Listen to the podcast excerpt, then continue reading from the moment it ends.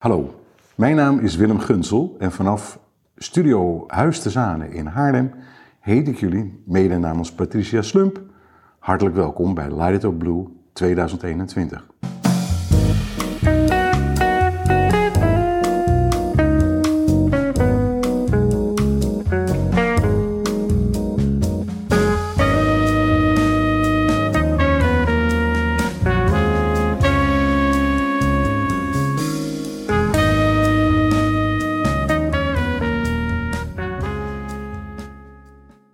Twee jaar achter elkaar geen Light Up Blue Haarlem was voor ons geen optie.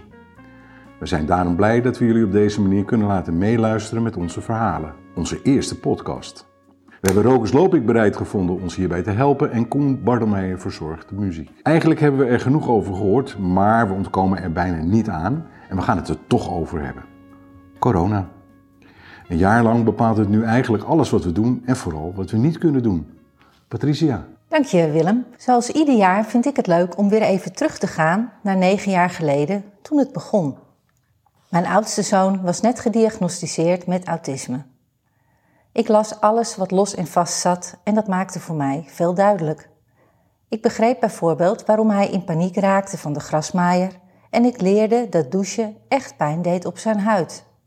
In mijn omgeving liep ik echter tegen onbegrip aan. Wanneer ik op een verjaardag vroeg of de muziek iets zachter kon, omdat zo'n lief met zijn handen op zijn oren onder tafel zat, moest hij zich niet zo aanstellen. Het was onzin dat geluiden harder bij hem binnenkwamen. We gingen weg en kwamen zelden nog terug. Ik las over tot Blue en zag foto's van markante gebouwen overal in de wereld, verlicht in blauw op Wereldautismedag, om aandacht en begrip te vragen. Hadden we dat ook in Haarlem? Nee. En naar mijn idee moest dat er komen. En welk gebouw was daar nu meer geschikt voor dan Huis te Zanen? Ik nam contact op met Willem en zo is het begonnen.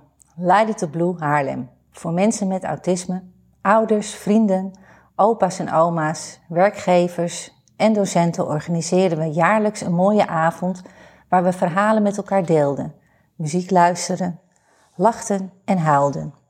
We vonden begrip en erkenning. Een deel van mijn vriendengroep kwam ook. En mijn doel was bereikt. Nu, negen jaar later, ben ik de trotse moeder van twee kinderen met autisme. We beleven onze ups en onze downs, net als ieder gezin waarin autisme een rol speelt.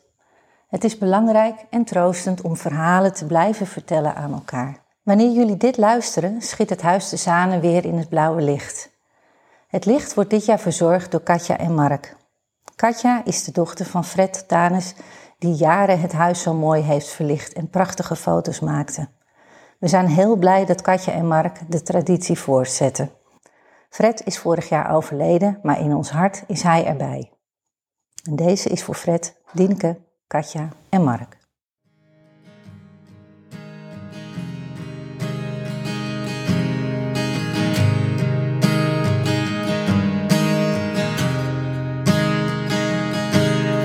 You try your best, but you don't succeed.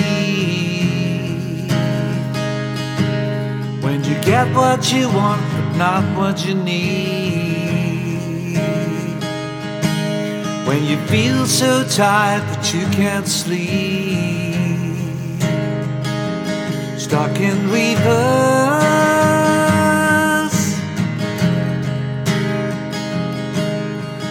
Tears come streaming down your face. When you lose something you can't replace.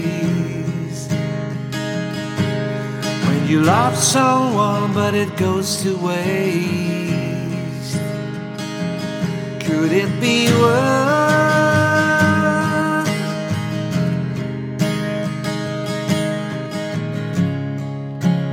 Lights will guide you home and ignite your bone, and I will try to fix you.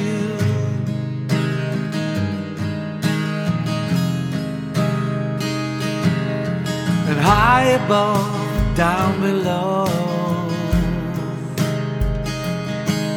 When you're too in love to let it go. But you never try, but you never know just what you were.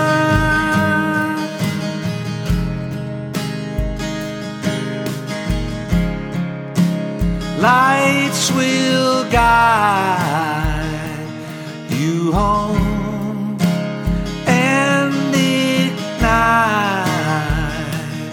your bones. I will try to fix you.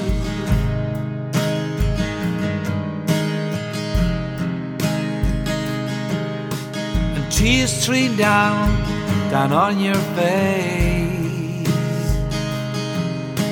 I promise you I will learn from my mistakes.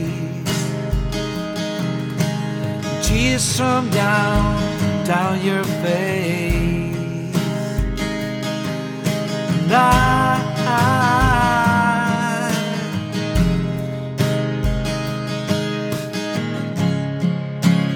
light will guide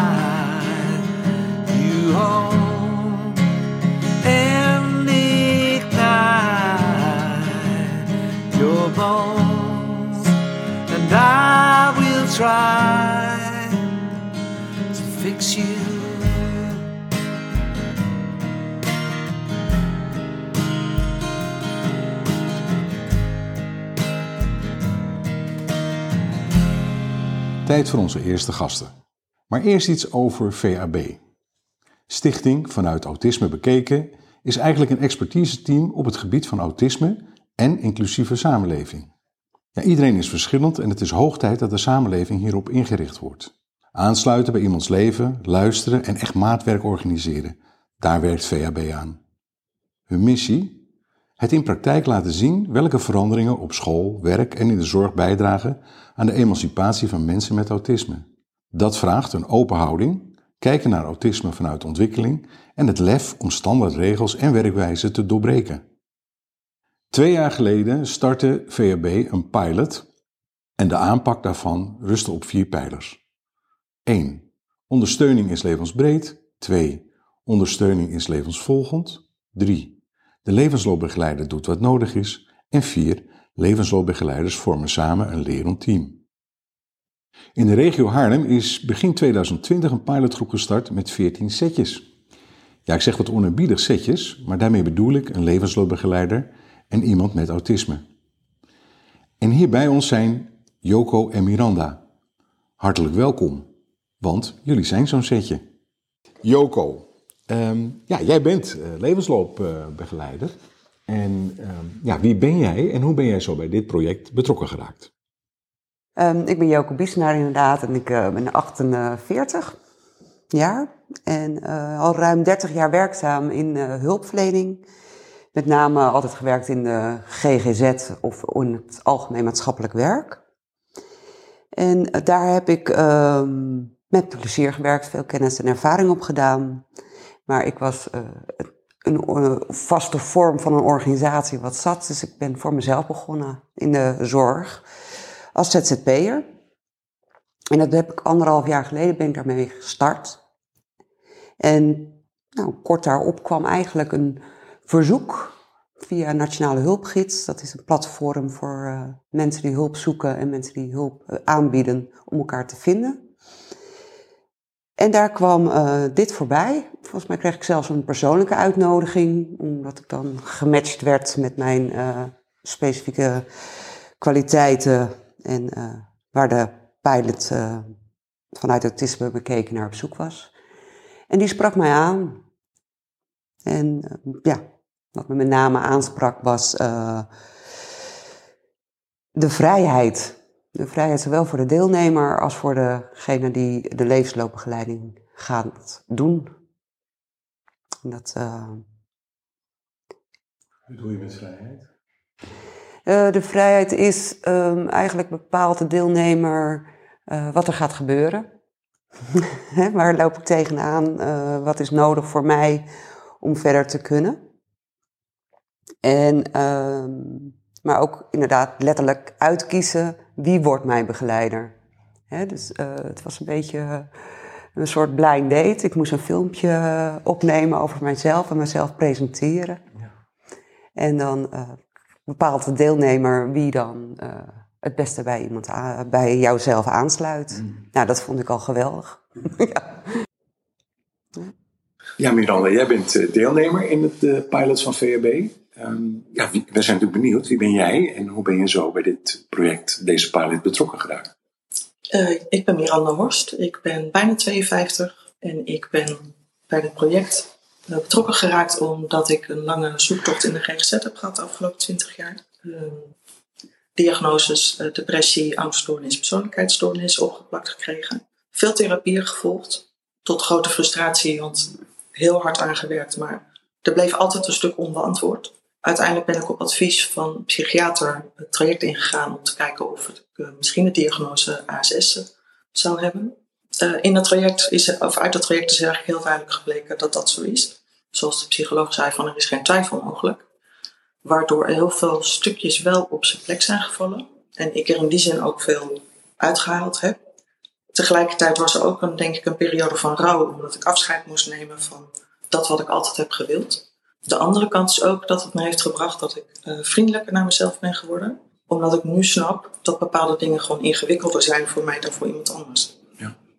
Ik heb deze diagnose op vrij late leeftijd gehad. Ik was toen 50. En wat ik altijd heb gedaan, van dan ga ik op zoek naar informatie. Wat kan voor mij werken? Wat ik echt niet wilde, was weer een therapie. Ik had echt praktische begeleiding nodig. Eh, eigenlijk via LinkedIn, ook eh, vanuit autisme bekeken, zag ik voorbij komen. Ben ik gaan volgen en op enig moment kwam daar een bericht over de pilot. Die me heel erg aansprak. Dus ik heb me daar aangemeld. En wat ik echt heel fijn vond, was dat ik mijn eigen bege- begeleider kon kiezen. Omdat ik heel duidelijk merkte, ik wil heel graag iemand met eh, ervaring. En daarmee bedoel ik ook levenservaring. Ja, die filmpjes kijken. Ja, sprak er voor mij gewoon, eh, die kwam meteen daar bovenuit. Eigenlijk, eigenlijk ook, nou ja, was dat twee woorden gezegd. En toen dacht ik, volgens mij gaat dit een match worden. Mooi, dat is inmiddels eh, een jaar geleden. Als je daar nu op terugkijkt, wat zijn je ervaringen tot nu toe? Ja, mijn ervaringen zijn heel goed, anders zou ik hier natuurlijk niet zitten. Ook een van de redenen waarom ik hier zit, is dat ik hoop dat het meer bekendheid krijgt en dat mensen eh, weten dat dit bestaat. Dat ik ze gun wat, ja, wat ik de afgelopen jaar heb eh, gekregen. En dat is, het is maatwerk. Ik vind het heel fijn om aan te kunnen geven wat ik nodig heb. Maar we hebben ook heel duidelijk afgesproken eh, dat Joko natuurlijk daar ook de grens in heeft. Dus ik vind het heel fijn, ik kan vragen omdat ik weet dat zij nee zegt als ze het echt niet wil. En het feit dat alles bespreekbaar is, van eh, relatie, eh, sociale gelegenheden, nou, dat waar ik een beetje moeite mee heb. Overzicht behouden in mijn studie ook. Daar, ja, daar speelt Joko ook een hele grote rol in. Ja, dat is voor mij heel veel winst. Dus heel veel handvatten gekregen al. Mooi. En Joko, wat waren jouw ervaringen van het afgelopen jaar? Ehm, ja, eigenlijk heel positief. Wat ik het kan het afzetten ook tegen andere hulpverleningstrajecten die ik eh, gegeven heb. En een groot verschil daarin is, is dat er, ja, ik kom toch wel weer op vrijheid. Dat past misschien ook wel heel erg bij mijn naam. Maar eh, ja, dat, het, eh, er zit geen druk achter. Er was zoveel ruimte om elkaar te leren kennen, om rustig te onderzoeken van ja, wat, zijn nou de wensen in het leven om eh, naartoe te werken. En eh, dat hebben we dus ook ja, in alle rust kunnen uitpluizen. En geen vijf gesprekken modellen of dat soort vormen van hulpverlening, waardoor er altijd een bepaalde tijdsdruk zit dat, iets, dat- dat, dat er resultaat geboden moet worden. Ja. Dat geeft bij mij druk, maar zeker ook voor een deelnemer. Dat geeft toch dat je Ja. als deelnemer ook maar moet presteren om hè, de hulpverlening ook tevreden te houden, als het ware. Ja. Ja, Ja, want die ervaring heb jij ook natuurlijk. Ja. Je- Jij kunt dit als vergelijk maken. ja. Ja. Dus dat heb ik heel, als, als heel prettig ervaren. Een hele grote winst om eigenlijk juist snelle resultaten te boeken. Mooi, ja. En dan zitten we toch in tijden van corona. Ehm, ja, wat, heeft dat, wat heeft dat betekend voor jullie samenwerking, eh, Miranda? Nou, zeker in eerste instantie, want ik denk dat wij aan elkaar gekoppeld werden in de loop van april, als ik me goed herinner. Dus toen speelde de corona natuurlijk eh, eh, al heel erg. Wat ik lastig vond was dat we elkaar dus niet live hebben kunnen ontmoeten, maar dat dat via Zoom ging. Dat was eigenlijk de, de start die ik lastig vond. Maar daar hebben we inmiddels zo'n vorm in, ge- in gevonden. Gelukkig kunnen we elkaar nu wel één op één zien. En ja, loopt, die, loopt het eigenlijk heel goed. Dus in die zin heeft corona niet heel erg direct effect op onze samenwerking. Nee. Wel op mij persoonlijk, maar geldt voor iedereen, denk ik. Ja, ja voor mij eh, in principe ook. Het, het heeft niet heel veel invloed op, eh, op, op de samenwerking en ons contact. Eh, we kunnen elkaar gelukkig gewoon face-to-face eh, ontmoeten en eh, bespreken. Ik denk dat we anders elkaar ook niet eh, steeds zouden aanraken. Of, eh, hè, dus dat maakt niet zo heel veel uit. Het maakt geen verschil. Ehm, als, als hulpverlener merk ik wel, eh, de coronaperiode is wat leger. En, als mens ben ik iemand die graag het leven voelt en viert. en dat maakt het corona mij wat terugdrukt. Of wat, wat, wat het leven wat matter maakt. En dat is ook, ja, ik geef hulpverlening met wie ik ben. Het, mijn, mijn tools is mijzelf. Eh, en dat maakt dat ik me niet alleen inhoudelijk voorbereid op een gesprek, maar ook mentaal. Dus ik moet me een soort van opladen, dat er weer energie komt en dat ik om present te kunnen zijn. Dus dat is wel wat corona doet als eh, in de hulpverlening. Maar goed, daar moet ik dan bewust van zijn en een kwartiertje de tijd voor Ja, Ja. precies. Ja. Ja. Mooi. En, en misschien ook goed om te melden dat eh, ik begrepen heb dat eh, het onderzoek is nog met twee jaar verlengd. Dus jullie eh, kunnen in ieder geval de komende twee jaar nog verder met elkaar. Ehm, het, toch nog even de vraag, de nieuwsgierigheid. Hè? Jullie hebben een samenwerking samen, maar je, was, heeft corona nog andere impact op jouw leven gehad, Miranda? In eerste instantie dat ik me heel erg overspoeld voelde. Dat ik dacht, dit is veel groter dan ik had gedacht. En je weet niet wanneer het weer goed is of zo, wanneer alles weer normaal wordt. In tweede instantie, na een aantal weken, vond ik het eigenlijk ook heel rustig. Heel overzichtelijk. Er waren natuurlijk geen grote feesten. Dat zijn sociale activiteiten waar ik echt wel tegenop kan zien. En ja, een redelijk lege agenda. En eerlijk gezegd vond ik dat zeker een aantal maanden best heel prettig. Mooi.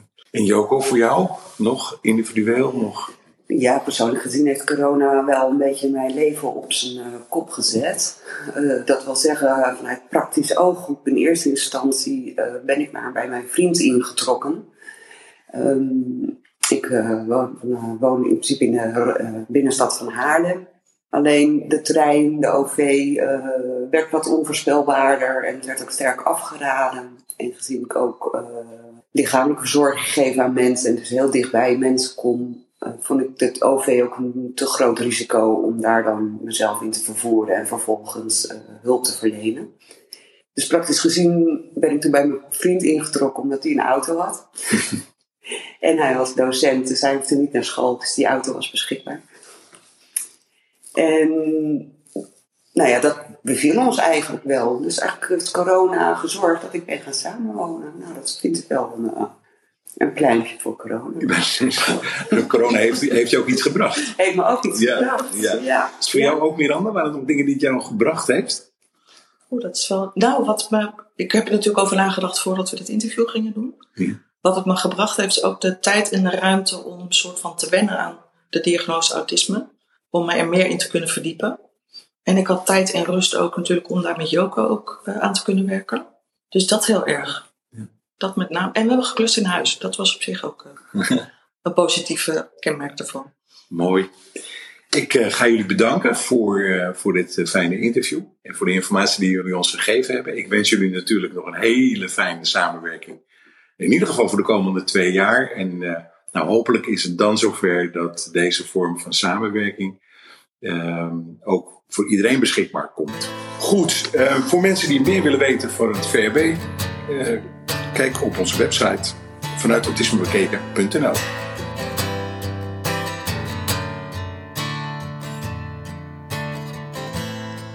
Change your heart. Look around you.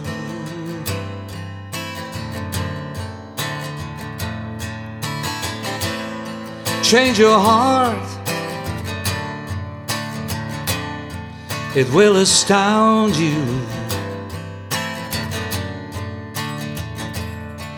I need your loving like the sunshine. Mm. And everybody's got to learn sometime. And everybody's got to learn sometimes. And everybody's got to learn sometime.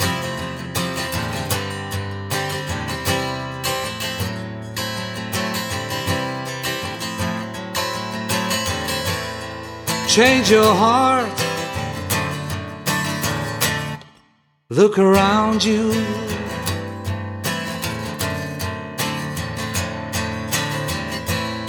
Change your heart. It will astound you.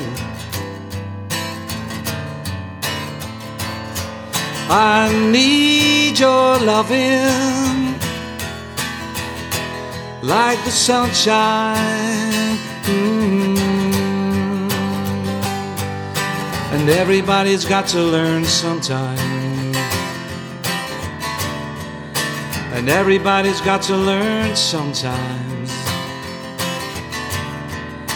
And everybody's got to learn sometimes.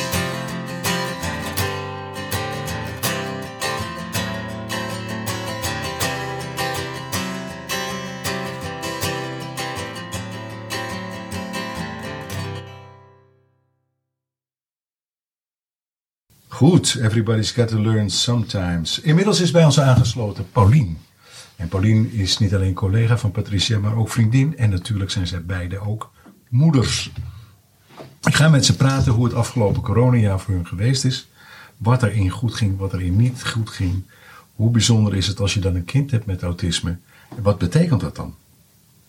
Maar goed, eerst even, hoe kennen jullie elkaar eigenlijk? Pauline en ik kennen elkaar via het werk. En een jaar of drie geleden zaten we op eenzelfde project. Hadden we meer met elkaar te maken. En we gingen naar een symposium. En tijdens dat symposium kwamen we erachter dat we veel meer met elkaar gemeen hadden dan alleen dezelfde werkgever. We waren allebei gescheiden en allebei kinderen. Bij wie het niet van, zo vanzelfsprekend gaat, die iets, nou ja, gewoon wat meer nodig hebben. En inmiddels is dat uitgegroeid tot een eh, hele bijzondere vriendschap waar ik heel blij mee ben. Maar het is gewoon belangrijk dat, eh, nou, dat er iemand is die je begrijpt, die aan een half woord genoeg heeft, eh, bij wie je kan uithuilen, eh, maar ook met wie je kan lachen om dingen die eigenlijk niet grappig zijn of die andere mensen heel raar vinden dat je daar om lacht. Maar daar heb ik wel een voorbeeld over.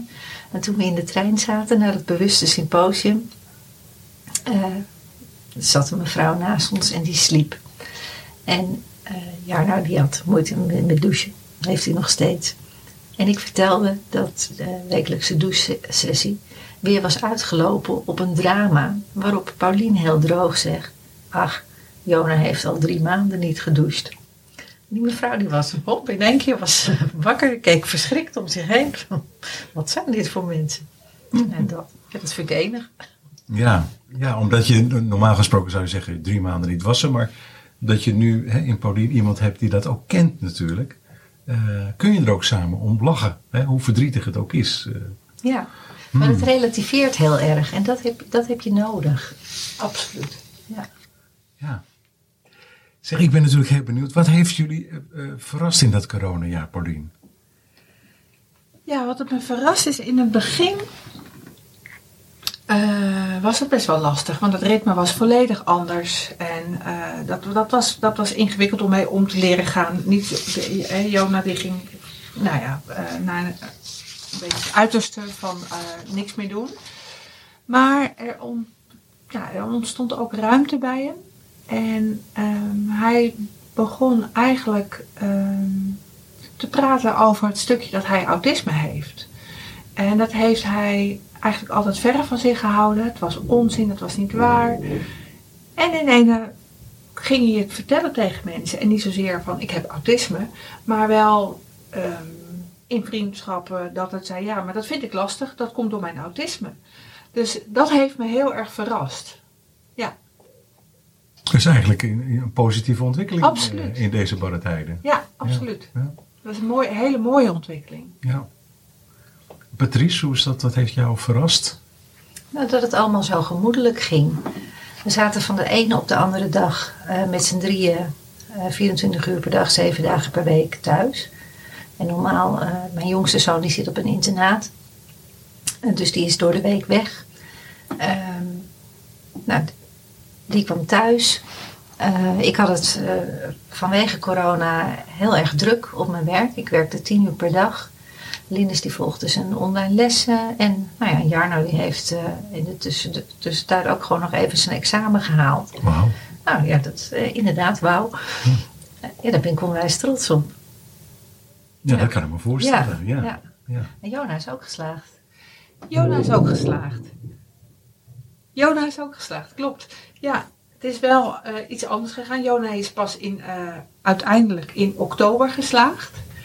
Eh, want hij, ha- ja, hij heeft nooit geleerd voor school. Hij heeft nooit wat gedaan. Het is een slimme jongen. Die ehm, op ja, wat hij in de lessen heeft opgepikt, eh, een aantal vakken eh, wel positief had afgesloten. Maar moest nog wel een flinke herdoen.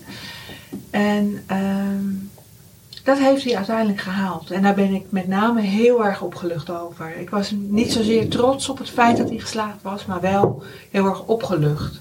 En ik was trots eh, op het feit, op het stukje dat hij, toen hij eenmaal in de gaten had van ja, als ik echt niks doe, dan ga ik het dus ook niet halen. Maar dat hij toen die knop heeft omgezet en ge- toch is gaan leren. Voor het eerst eigenlijk in zijn leven is hij gaan leren. En ja, daar was ik dan, daar was ik dan weer wel heel erg trots Ja. op. ja, dat snap ik. Ja. Ja. Voor nog andere opvallende dingen voor jou, Patrice? Nou, wat ik wel heel opvallend vind, is dat ze, dat ze nooit bang zijn geweest, eh de jongens. En heel zorgzaam. Eh, Zorgzaam naar je moeder. Nou, nee hoor. Maar, Ja. nee, nou, naar, eh, naar opa en oma. En eh, nou ja, dat, dat, dat is, vond ik mooi om, om te zien. Ja. Ja. Nou, was dat, dat was die eerste periode, hè? maar toen moest de zomer nog, eh, nog komen. Want toen, ja, toen die zomer kwam, toen ging Nederland weer los, hè, zal ik maar zeggen. Ja, ja. Hoe was dat dan? Nee, de zomer die vond ik eigenlijk wel, wel heel leuk. Het was mooi weer. We zaten veel buiten op de, op de galerij. Gezellig met de buren. Allemaal bankjes, anderhalve meter van elkaar. En, eh, en we gingen kamperen in Limburg een week. Toen regende het. Maar dat maakte niet uit. Eh, de, jongens vonden het gewoon heerlijk om even ergens anders te zijn. Eh, ze zijn dol op, eh, op kamperen. En zwemmen in de regen is gewoon heel erg leuk. Ja, en Paulien, was dat ook de zomer in? Vrij weer? Ja, ja, nou dat is, ja, het, het, was bij ons allemaal wat anders. Jona die had zijn examen dus nog niet gehaald. En die heeft ook eh, ja, juist in die zomer eigenlijk ook stappen moeten maken om te gaan leren. En dat lukte toen eigenlijk nog niet zo. En hij was met name bovenal gefrustreerd over het feit, hij, was, hij is in mei is hij 18 geworden. En hij had een beeld van, ik ben 18, het wordt zomer en dan kan ik op terrasjes zitten en dan kan ik lekker drinken. En dan nou, allerlei het wilde leven in. dat is het beeld van iedere jongen van 18 natuurlijk. Exact, exact. Ja, ja. En dat ging niet door. En dat, dat, dat was wel, eh, dat was heel lastig. Dat was, eh, eh, ja, dat, dat, dat frustreerde hem enorm. En daar is hij ook wel echt heel erg boos over geweest. En boos is bij Jona ook echt wel heel boos. En Hmm. eh, daar, ja, daarin piekt hij dan een beetje. Dus dat is, eh, dat was lastig. Maar tegelijkertijd ook inderdaad wel een soort van rust van ja, Nick, er kon niks, dus ja, dan hoef je ook niet zoveel. Dus het is, het is een hele dubbele fase eigenlijk Ja. geweest. Even, jij, jij zegt, ehm eh, Jona werd 18 en dan verheugt hij zich op dingen. Toen zei ik nog, hè, dat, dat willen alle jongens van 18, Ja, meisjes zeker. ook waarschijnlijk als ze 18 zijn. Eh, wat, wat zijn de verschillen dan, voor, eh, voor in dit geval voor Jona? Ik hoor je zeggen, hij piekte heel erg. Ja, ik denk dat daar inderdaad, ik, ik, ik zie bij hem het autisme vaak ook inderdaad in de extreme. Het is allemaal bij hem groter dan bij de ja, gemiddelde, wat is de gemiddelde jongere, maar je ziet, je ziet dat zijn reactie altijd groot is. En eh, dat is het altijd al geweest en dat is het nog steeds. Als hij, als dingen, als hij blij is, dan is hij heel blij. En als, het, als hij boos is, dan is hij ook heel boos. En dat is dan, het is voor hem moeilijker allemaal te plaatsen. En het, de ja, overgangen zijn dan toch ook inderdaad wat ingewikkelder. Ja. En dat, ik denk dat, hij, dat het daarin verschilt met de, de, de, gewone jongeren, als je, die bestaan, van 18. Wie zijn dat dan? Precies. Wie is de gewone jongere? Ja, ja. Nou goed, de zomer gaat voorbij, eh, Patricia. En, en, en toen? Ja, de zomer ging voorbij. Linus mocht weer naar school. Eh, die mocht ook weer intern, dus die was echt helemaal, eh, helemaal gelukkig. En Jarno die ging naar een nieuwe school in Amsterdam met de trein. Eh, nieuwe klas, nieuwe docenten, een ander gebouw. Ja, en dat, dat was voor hem gewoon ingewikkeld. En ik denk dat corona daar, daar een rol in heeft gespeeld. Een nieuwe start is, is voor hem sowieso wat, wat lastiger. Maar hij had nu een rooster waar ik al, eh, al niets van, eh, van snapte. De ene week één dag naar school, eh, de andere week twee dagen. Maar dan waren die dagen wel anders ingevuld. Eh, ja, dat, dat vond hij gewoon echt lastig. En nou, toen zag je ook eigenlijk toch wel oktober, november... dat het langzaam een beetje de verkeerde kant op ging. Hm. Je zegt de verkeerde kant. Wat, wat bedoel je daar precies mee? Nou, dat hij, eh, dat hij langzaam afhaakte. En, eh, eh, en, en ik hem niet meer erbij kreeg bij, bij school. School hem er ook niet meer bij kreeg. Nou ja, en toen kwam de tweede, tweede lockdown. En die was voor ons alle drie moeilijk. Misschien voor jaar nou nog het minst. Want die dacht van oké, een, eh, nieuwe lockdown. Dan ga ik gewoon helemaal niet meer naar school. Want het is een nieuwe lockdown. Eh, Linus kwam van de een op de andere dag. Kwam hij eh, heel snel, moest hij zijn spullen inpakken en hup weer naar huis. Want je, dat, je, Linus, Linus gaat weer naar huis. Ja, die die- is niet thuis? Nee, maar die zit, zat op de huisvesting. Die zat intern. Ah, zo ja. En nou ja, dat, dat was voor hem ook gewoon eh, te snel. En dat leverde zoveel frustratie op. Dus binnen het uur dat hij thuis was, had hij zijn eh, vuist al door de laptop heen, eh, heen geslagen. Ja, en ik dacht alleen maar van, ik wil dit niet nog een keer doen. Hm. Nou, dus dat was niet zo heel fijn. Nee, dat begrijp ik. Ja, ook voor Jona kwam de zomer tot een einde. Ehm, toen heeft hij nog examen gedaan. Ja, Jona is in september gestart, ondanks dat hij zijn examen nog niet had ge- gehaald. Dat hè, was de regeling eh, die er dit jaar eh, ja, was, was georganiseerd door de overheid. Je kon dan wel starten met je vervolgopleiding. Dat heeft hij ook gedaan. En eh, ja, dat was in het begin, hij was gewoon heel blij dat hij naar gerichte opleiding kon gaan. En ehm, heeft in de tussentijd dan inderdaad zijn examen eh, behaald. Dus dat, dat was ook mooi. Maar hij mocht eigenlijk vanaf het begin af aan nauwelijks naar school toe. En dat, dat viel hem tegen. Want hij wilde graag, hè, de introductieweek verviel. Eh, ja, dat is normaal de week dat je ja, eh, wel dagelijks ook veldonderzoek doet in deze opleiding. Maar tegelijkertijd s'avonds ook met elkaar om het kampvuur zit en een biertje drinkt. Nou, dat is het, het studentenleven natuurlijk. Dat ging allemaal niet door. En dat, ehm, de opleiding zelf vond hij leuk. Maar het gemis aan het studentenleven, dat, dat viel hem eigenlijk al heel snel, ging hem dat ja, storen. Ja. En eh, Patricia, ik, nog, ik kom nog even terug bij jou. Eh, hoe, is dat, hoe heeft zich dat verder ontwikkeld met eh, jouw oudste zoon? Die school? Ehm, Want je zegt, het ging de verkeerde kant op, het werd minder. Ja, hij, hij, hij is, hij is met, met lockdown nummer twee is hij, eh, is hij gestopt. En heeft mij eerst. nou ja, hij hoefde niet naar school. Dat, weet je, dat was, het, dat was het verhaal. En er waren geen lessen op school vanwege de eh, lockdown. Totdat ik een brief kreeg van de, van de leerplichtambtenaar. Dat ik echt zoiets had van, hm, wat is dit? En, eh, en bleek dat hij wel degelijk naar school eh, moest. Eigenlijk. En hij, de- hij deed dat niet meer. Nee. Nee. Wauw. Ehm, wat, als dat nou, want dat is toch niet niks als je dat zo vertelt. Wat, wat is dan je grootste zorg? Ja, mijn grootste zorg. Nou ja, dat, die, komt omdat Jarno in eh, januari eh, vertelde dat hij niet meer wilde leven. En dat, eh, nou ja, dat, dat vond ik heel erg, erg verdrietig en ook heel moeilijk om hem om hem zo, zo verdrietig te zien. Ehm, en nou ja, vooral ook heel leeg. Hij was heel leeg en hij, hij zag het gewoon niet meer voor zich. Hij zag niet een toekomst eh, voor zich. Het, het, het, wat hem betreft had het allemaal geen zin meer. Ehm, dat vond ik heel erg, heel erg moeilijk. Hij ging nog wel naar, eh, naar zijn stage. Eh, hij werkt bij een bakker. En dat vindt hij hartstikke leuk. En daar is hij ook echt op zijn plek in die, in die bakkerij.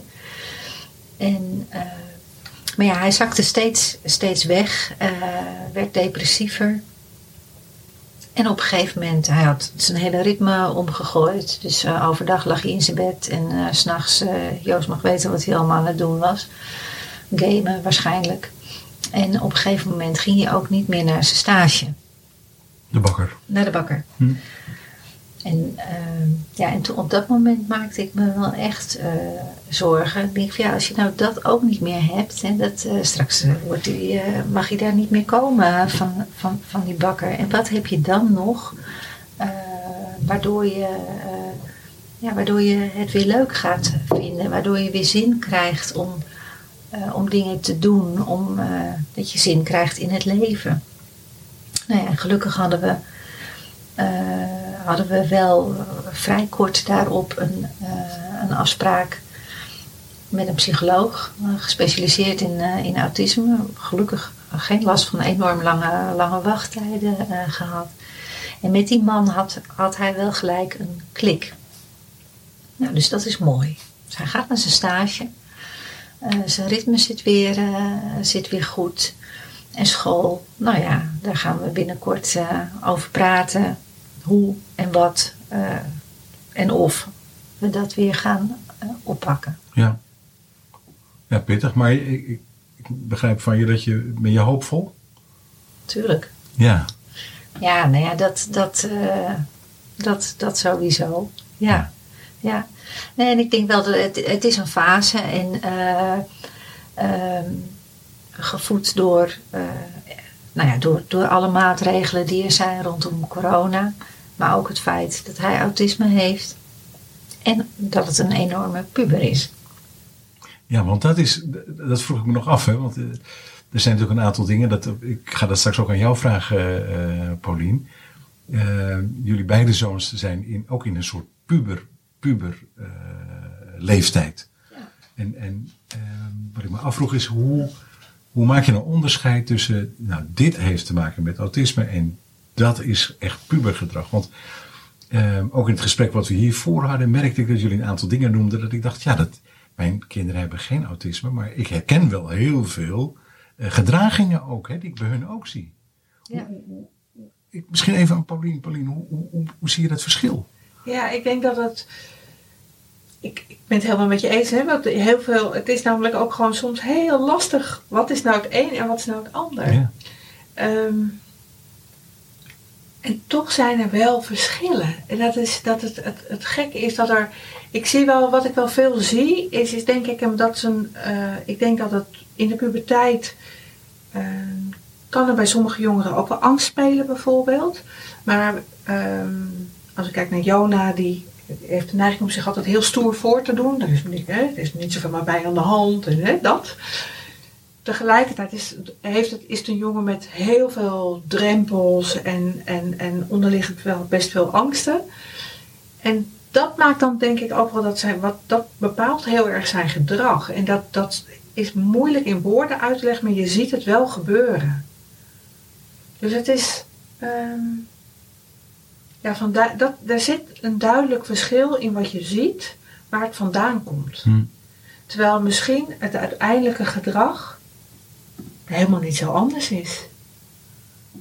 Maar het is de, eh, de, de impact is daardoor ook anders en vaak wel groter. Dat, dat, ik denk dat dat ook het, het grote verschil is. Wat je net noemde, dat de, de reactie die hij daarop geeft, hè, zeg maar, die heftige, heftige reactie. Bijvoorbeeld, bijvoorbeeld. Ja. Omdat het, hè, als, als hij eh, inderdaad eh, dingen niet snapt, dan is het gelijk, boem, dat is het. En dan, ja, dan, dan kan hij daar ook heel erg in doordraven.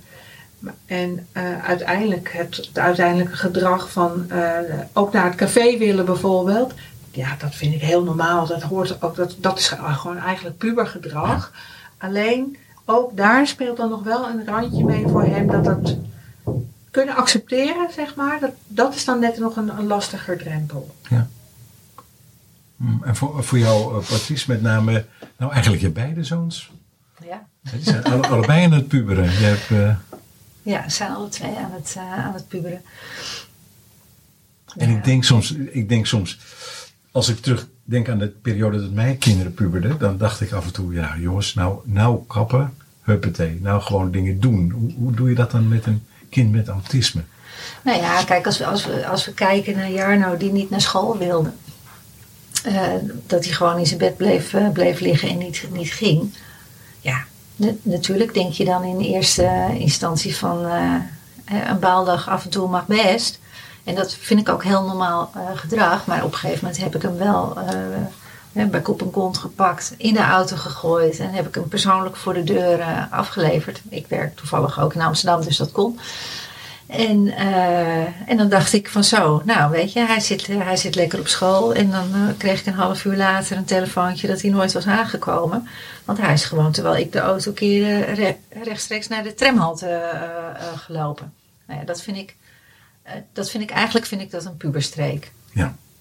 Maar ja, toen bleek later, want we hebben daar, daar ook over gesproken met school, van heeft hij dan wat meer nodig? Gezorgd dat er iemand was die hem opving in school. Ehm, en dan kreeg je gewoon binnen 20 minuten kreeg je een, een paniekaanval. Nou ja, weet je, dat is geen, eh, geen pubergedrag. En dan eh, zie je wel dat, dat er iets anders eh, achter ligt. En dat, dat hij toch ook een soort angst heeft om dingen aan te gaan. En dat is, dat is voor hem heel, heel moeilijk. Ja, ja. Ja, jongens, kinderen met autisme en corona. eh, ik heb een aantal positieve dingen, een aantal dingen die extra moeilijk zijn. Ehm, maar wat ik me natuurlijk ook afvraag, de luisteraars misschien ook, hoe is het met jullie? Hoe gaat het met jullie zelf? Paulien, hoe is het met jou? Ja, hoe gaat het met mij? Dat, ik vind dat soms inderdaad al een hele vraag om te stellen. En het, het is een heel zwaar jaar geweest. Dat ik om een beetje de balans te weten te houden. De, ja, dit is een zwaar jaar geweest. En toch gaat het ja, overal eigenlijk best goed. Dus niet eigenlijk, het gaat gewoon goed. Maar het, het blijft wel zoeken. En het is ehm, heel, heel bewust soms ook nou, dingen wel doen of dingen niet doen. Ehm, maar nee, het, eh, we, we komen dit door, dat gevoel. Ja, En Patrice? Ja, hoe gaat het? Eh, op het moment ben ik, ben ik heel erg moe. Ehm, ik, ben af en toe zo moe dat ik, dat ik, dat ik echt hoop dat dat ooit nog, eh, dat dat ooit nog overgaat. Ehm, weet je, en, en als het met je kinderen goed gaat, gaat het met jou ook goed. En als het met een van de kinderen niet goed gaat, dan gaat het met jou ook minder goed. Eh, zo, is het. En ehm, ik heb zeven best ingewikkelde jaren gehad met mijn, eh, met mijn twee kinderen. En eh, vorig jaar dacht ik van nou weet je, het gaat nu zo goed. Ze zitten, ze zitten op hun plek en nu is het tijd voor mij. En dat is dus niet zo, want dan gebeurt er iets en elke moeder eh, eh, zal dat herkennen, of je nu kinderen met autisme hebt of, of, of niet. Ehm, je kinderen gaan voor en je zet jezelf eh, op een plek daar, eh, daarachter. En dat, dat vind ik, eh, nou ja, dat, dat valt tegen. Dat is dan ook iets wat je moet, eh, moet accepteren. En dat is ook iets waar ik mij het afgelopen jaar eh, wel, wel heel erg alleen in heb, heb gevoeld. Ondanks dat ik heel veel leuke en lieve mensen om me heen heb, mis ik, mis ik wel, nou ja, afgelopen jaar gewoon meer dan anders. Dat er iemand is die naast mij staat. Ehm, eigenlijk iemand die ook een beetje voor mij zorgt. Ja. Dat, Ja, dat, is het. Ja, dat is misschien niet duidelijk, want jullie beiden hè, zijn, in het begin heb je het nog wel even genoemd, jullie zijn alleenstaande moeder. Hè, en dan, Ja. is dat, eh, dan draai je wel voor alles op. Klopt. Hè, dan ben je bij alles aan de beurt. Ja. Maar nog, nog leuke dingen doen jullie ook nog, want kijk, ik, toch, ik zie twee vrolijke moeders hier voor vrouwen hier voor me zitten. ja. En ik zie jullie ook regelmatig lachen. Ik zie dat jullie plezier hebben. Daar is dus ook nog ruimte voor. Ja, natuurlijk. We zijn niet van- wanhopig of, of zo. Nee, zeker. Zeker, zeker ook, ook blij en, en, en ook trots. Eh, dat, dat voel ik heel vaak, zeker op de momenten dat het een periode minder goed gegaan is.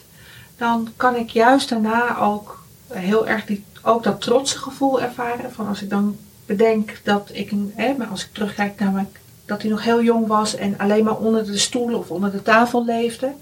En dat hij dan nu op de HVA zit en, en zijn, zijn weg aan het zoeken is. Ja, super trots. Ja. En, en, en ja, ook heel blij met, met hè, want we hebben het heel erg over moeilijke kanten, maar het is ook een, ik zie ook een, een heel wijs kind, een, een, een grappig kind. Dus ja, tuurlijk. Ook Ja. lol, Ja, zeker. mooi. En dat vieren jullie ook samen? Dat vieren we zeker samen. Leuke Ja. dingen doen? Jullie leuke dingen samen? Ja. ja, wij doen heel veel leuke dingen. We gaan over twee weken zitten wij op Texel. Ja. En eh, heerlijk. Ja. Wel verdiend. In een pipowagen. In een pipowagen. pipowagen. Ja. Ja, want we hebben tekort aan prikkels. Ja, nou geweldig. Het is mooi om te zien hoe jullie, eh, nou, jullie daar, oh, hè, ondanks alles, een zware tijd ook heel vrolijk kunnen zijn. En ik wens jullie natuurlijk alle plezier op Texel. Ik zou zeggen, op naar Texel over twee weken. Zeker, dankjewel.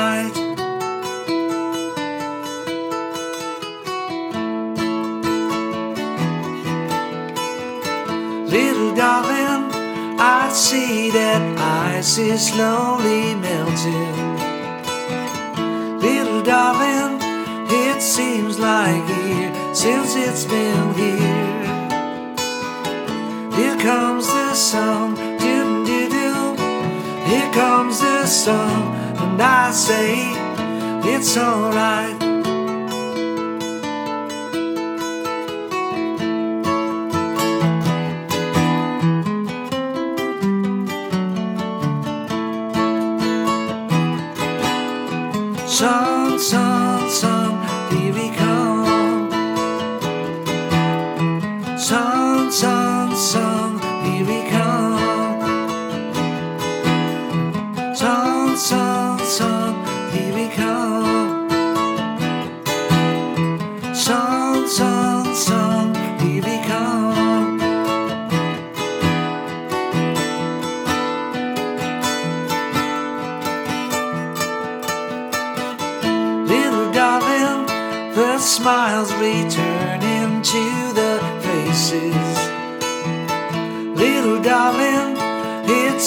Like years since it's been here. Here comes the sun, doo doo doo. Here comes the sun, and I say it's alright. Here comes the sun, doo doo doo. Here comes the sun, and I say it's alright.